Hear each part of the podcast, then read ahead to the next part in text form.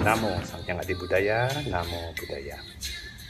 Berbahagia sekali pada kesempatan yang baik ini kita bisa bertemu di dalam acara Tamu Ki Ananda. Tentu pertama-tama saya harus mengucapkan terima kasih kepada Ki Ananda yang telah mengundang kami untuk berbagi Dharma ya.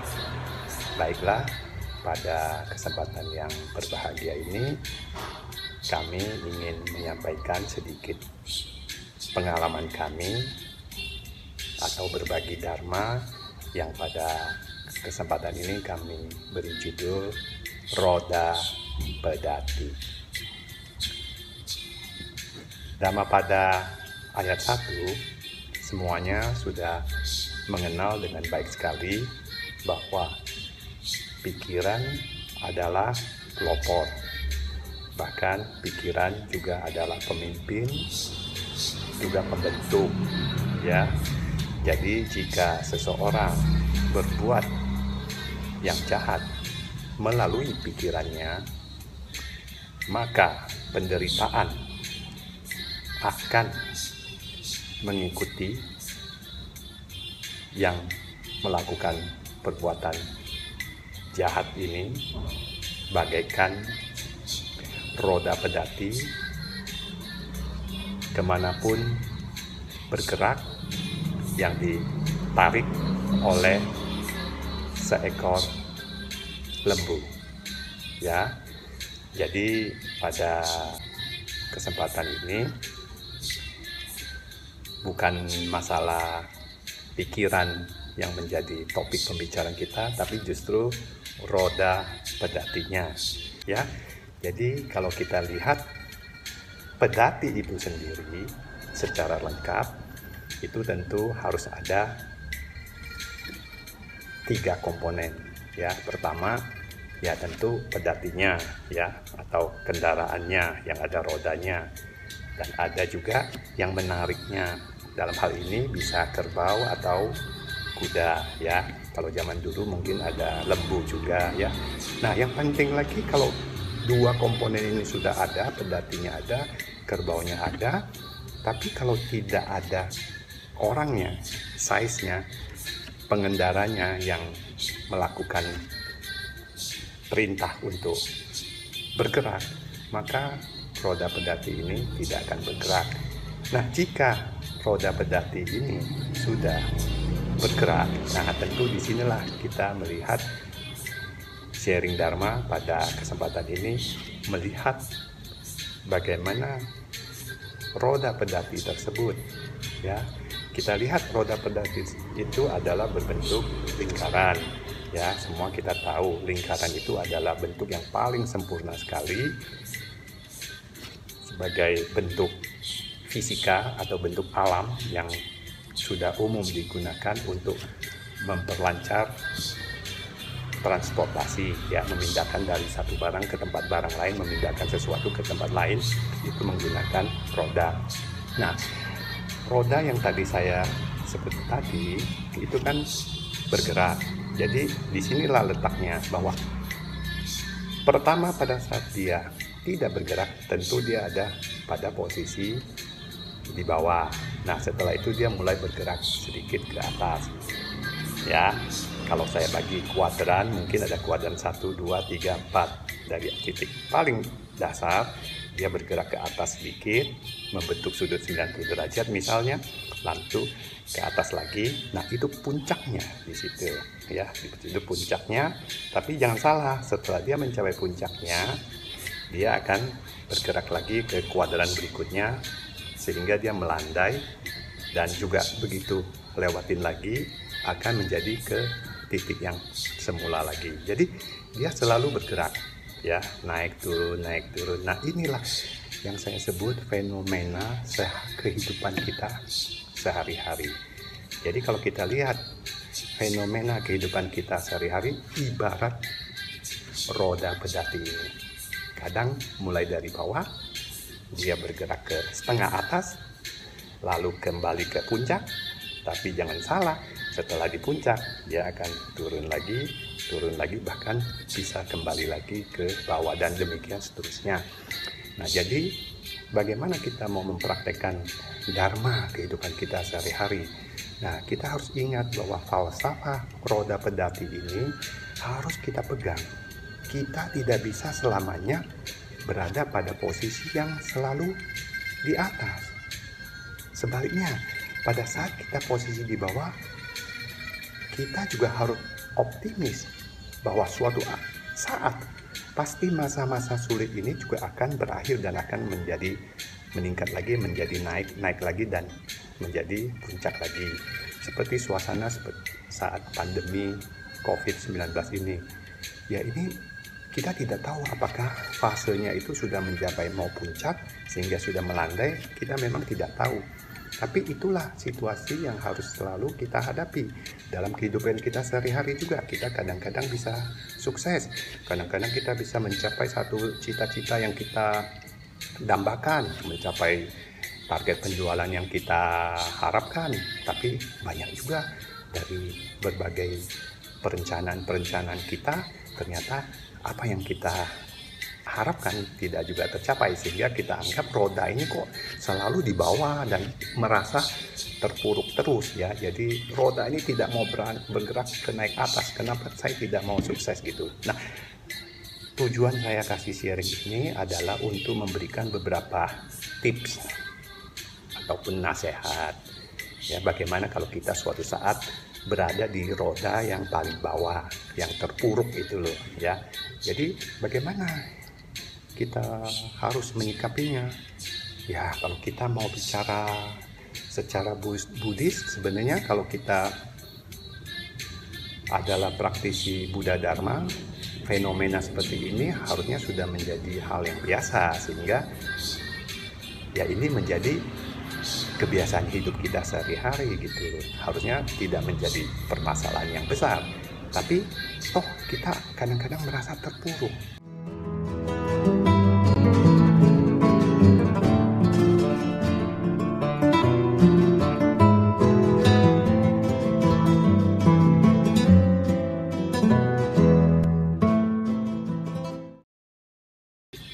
Pikiran kita sudah mumet dalam menghadapi situasi yang terpuruk ini sehingga kita tidak bisa berpikir apa-apa. Nah, untuk itu beberapa tips yang mau saya coba ajukan dari berbagai pengalaman hidup kami selama ini dalam menghadapi masa-masa sulit yaitu ada tujuh ya tujuh hal yang ingin saya kemukakan pada sharing yang baik ini.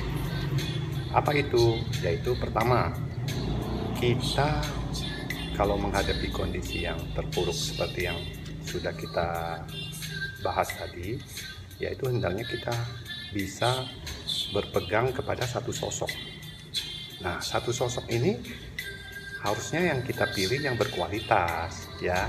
Nah, di dalam ajaran Buddha Dharma kita, kita tahu bahwa kita ada beberapa macam bodhisatwa ya nah bodhisatwa yang biasanya yang kita sangat populer untuk dijadikan pegangan ya dalam menghadapi situasi sulit di dalam kehidupan ini yaitu bodhisatwa Awalokiteswara ya atau yang disebut dengan Kuan Yin. Nah, kita boleh ya ber, berpegang atau mendekatkan diri terhadap bodhisatwa ini bahwa bahkan kita bisa berdoa atau berharap juga boleh. Berharap itu sesuatu yang tidak tidak tabu juga ya.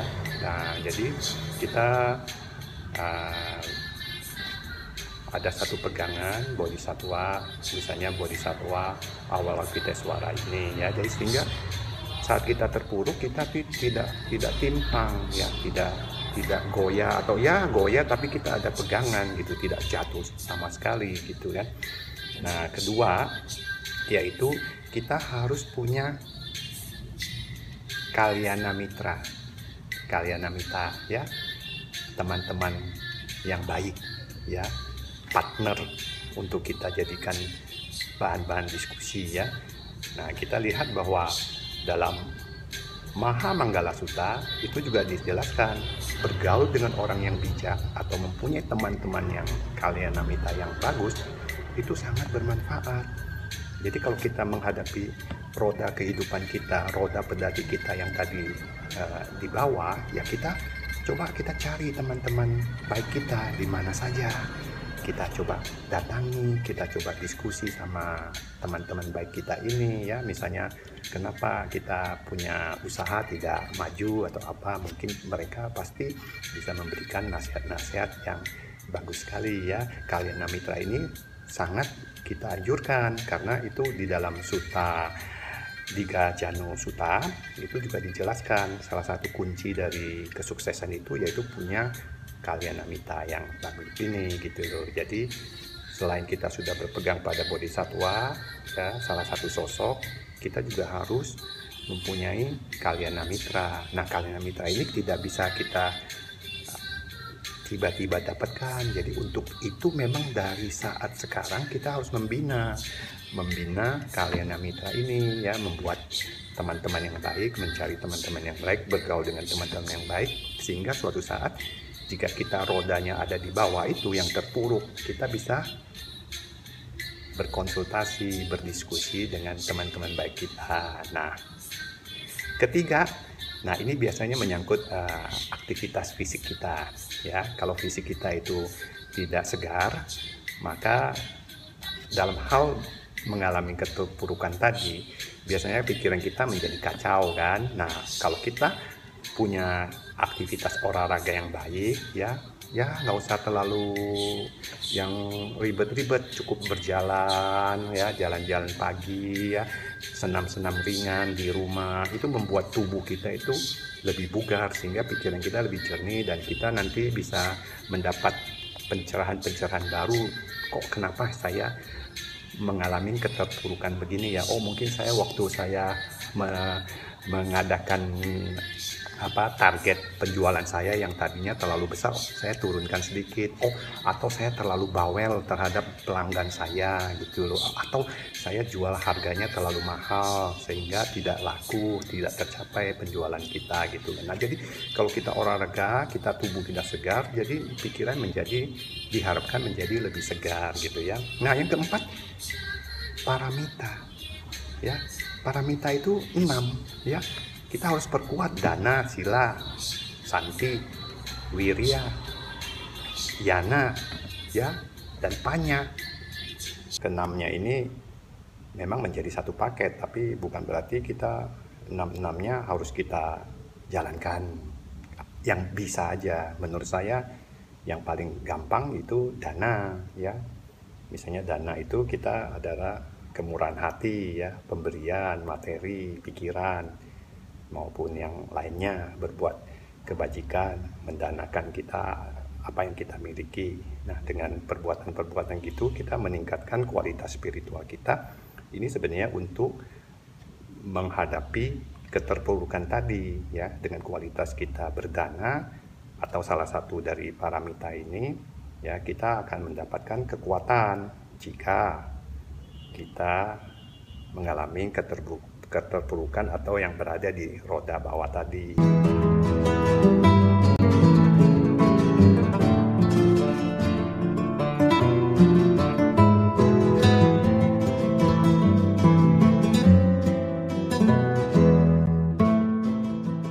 Terus yang kelima, kelima itu sebenarnya kita stop, berhenti mengeluh.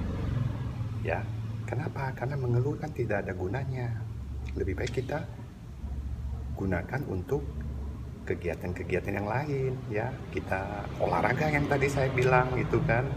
Ya intinya kita tidak mengeluh lah berhenti mengeluh lah karena mengeluh itu sangat menguras energi dan tidak bagus sekali untuk menghadapi masa-masa sulit ini ya. Nah yang keenam ya kita semua kan yakin kepada Triratna Nah itu perkuat lagi akan keyakinan kita kepada Triratna ini, Buddha, Dharma, Sangha. Ini artinya untuk meningkatkan kualitas-kualitas spiritual kita ya, hanya untuk membuat mental kita lebih baik lagi jika menghadapi keterburukan yang tadi ya. Nah, yang ketujuh sebagai penutup dari saya yaitu bersyukur. Jarang kita mau bersyukur ya. Bahkan kalau kita bisa makan hari ini saja, waduh itu semua sangat bersyukur sekali. Jadi misalnya keterpurukan yang kita hadapi dalam hal misalnya tidak tercapai target atau kenapa hidup saya kok masih begini saja, kita masih harus tetap bersyukur. Karena apa? Kita masih bisa makan nasi, ya masih makan yang tidak kelaparan begitu loh ya. Nah di luarnya kalau kita lihat banyak yang lebih terpuruk dari kita gitu. Jadi dengan memandang ke depan bahwa kita selalu bersyukur. Nah, diharapkan kita menjadi batin kita menjadi tenang. Setelah batin kita tenang, kita bisa melakukan recovery, ya, recovery yang tadi terpuruk tadi, sehingga membuat roda yang tadi di bawah itu kita balikan ke atas dengan pelan-pelan gitu ya. Jadi bersyukur bahkan kalau misalnya dalam masa Covid yang 19 ini yang kita lihat sangat sulit, kita masih diberi kesempatan untuk bernapas. Nah, itu suatu berkah ya, suatu nilai yang luar biasa. Kita masih bisa bernapas begitu ya. Jadi kita intinya bersyukur. Nah, dengan demikian apa yang sudah saya sampaikan tadi tujuh tips dari saya mudah-mudahan bisa dipergunakan sehingga roda yang tadi di bawah ini kita menjadikan ke atas lagi ya. Nah, kalau sudah di atas kita harus menjaga ya. Jaganya harus supaya mempertahankan apa yang sudah kita miliki walaupun memang juga tidak tidak tidak tidak gampang ya tapi kita tetap harus menjaga misalnya dengan tidak malas ya tidak berfoya-foya ya menggunakan apa yang sudah kita dapatkan itu dengan bijaksana.